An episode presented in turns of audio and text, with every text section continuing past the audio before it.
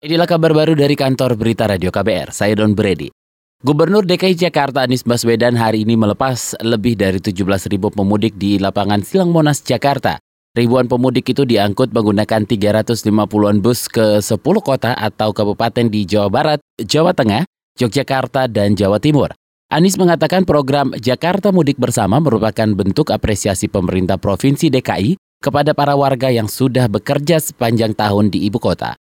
Alhamdulillah Jakarta berkat kedatangan mereka perekonomiannya bergerak.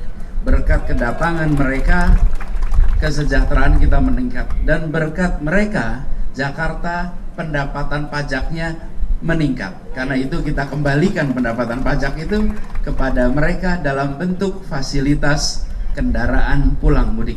Gubernur DKI Jakarta Anies Baswedan menambahkan program Jakarta Mudik Bersama baru pertama kali dilaksanakan. Acara ini hasil kerjasama dengan Dinas Perhubungan Jakarta dan Polda Metro Jaya. Program ini juga mengangkut 7.000 sepeda motor pemudik dengan menggunakan armada truk. Sejumlah pedagang di Pasar Induk Keramat Jati Jakarta Timur mengeluhkan turunnya jumlah pembeli. Hal itu karena sudah banyak orang yang mulai mudik ke kampung. Pedagang sembako dan bumbu dapur Yusuf mengaku hari ini omset penjualannya kurang dari target. Kalau omset ya mungkin ada kenaik sedikit kenaikan lah cuman nggak begitu masalahnya kan juga belanjaan naik yang belanja juga udah mulai berkurang gitu kan udah ada yang mulai mudik gitu Hal yang sama disampaikan Hasan, pedagang sayur mayur di Keramat Jati, Jakarta Timur. Bahkan Hasan memperkirakan dalam dua hari ke depan harga sayur mayur akan mengalami penurunan karena pasar mulai sepi pembeli. Saudara pelaksana tugas Gubernur Aceh Nova Iriansyah menilai usulan referendum yang disampaikan bekas Panglima Gerakan Aceh Merdeka Muzakir Manaf tetap harus dihormati. Menurutnya itu merupakan bagian dari demokrasi. Meski begitu, kata Nova, setiap usulan seharusnya berlandaskan pada konstitusi, namun ia tidak sepakat dengan usulan referendum. Eh, kita negara demokrasi, semua pendapat harus dihargai.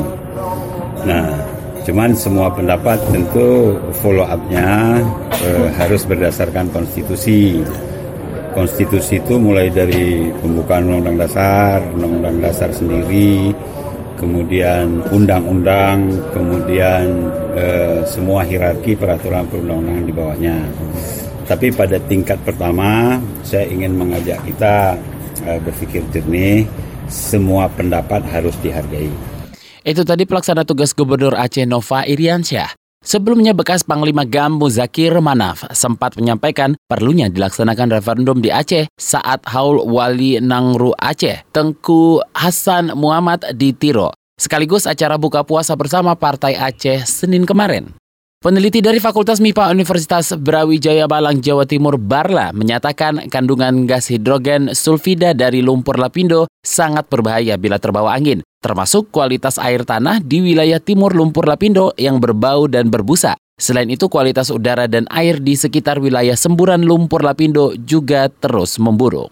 Kalau dilihat dari udara, kemarin kita pasang eco checker itu kan untuk memantau gas hidrogen sulfida menggunakan lempeng perak. Kalau dengan menggunakan itu, memang masih kelihatan tuh kandungan gas hidrogen sulfidanya itu masih tinggi. Kemudian kalau untuk kualitas air, sampai saat ini masih banyak tuh mas warga yang mengeluh, terutama untuk air sumurnya yang semakin hari semakin berbau ya, seperti ada busa, kemudian bau. Peneliti dari Fakultas MIPA Universitas Brawijaya Malang, Barla, menuturkan Sebaran udara yang di yang terkontaminasi hidrogen sulfida tergantung dari arah angin yang berhembus di lokasi semburan.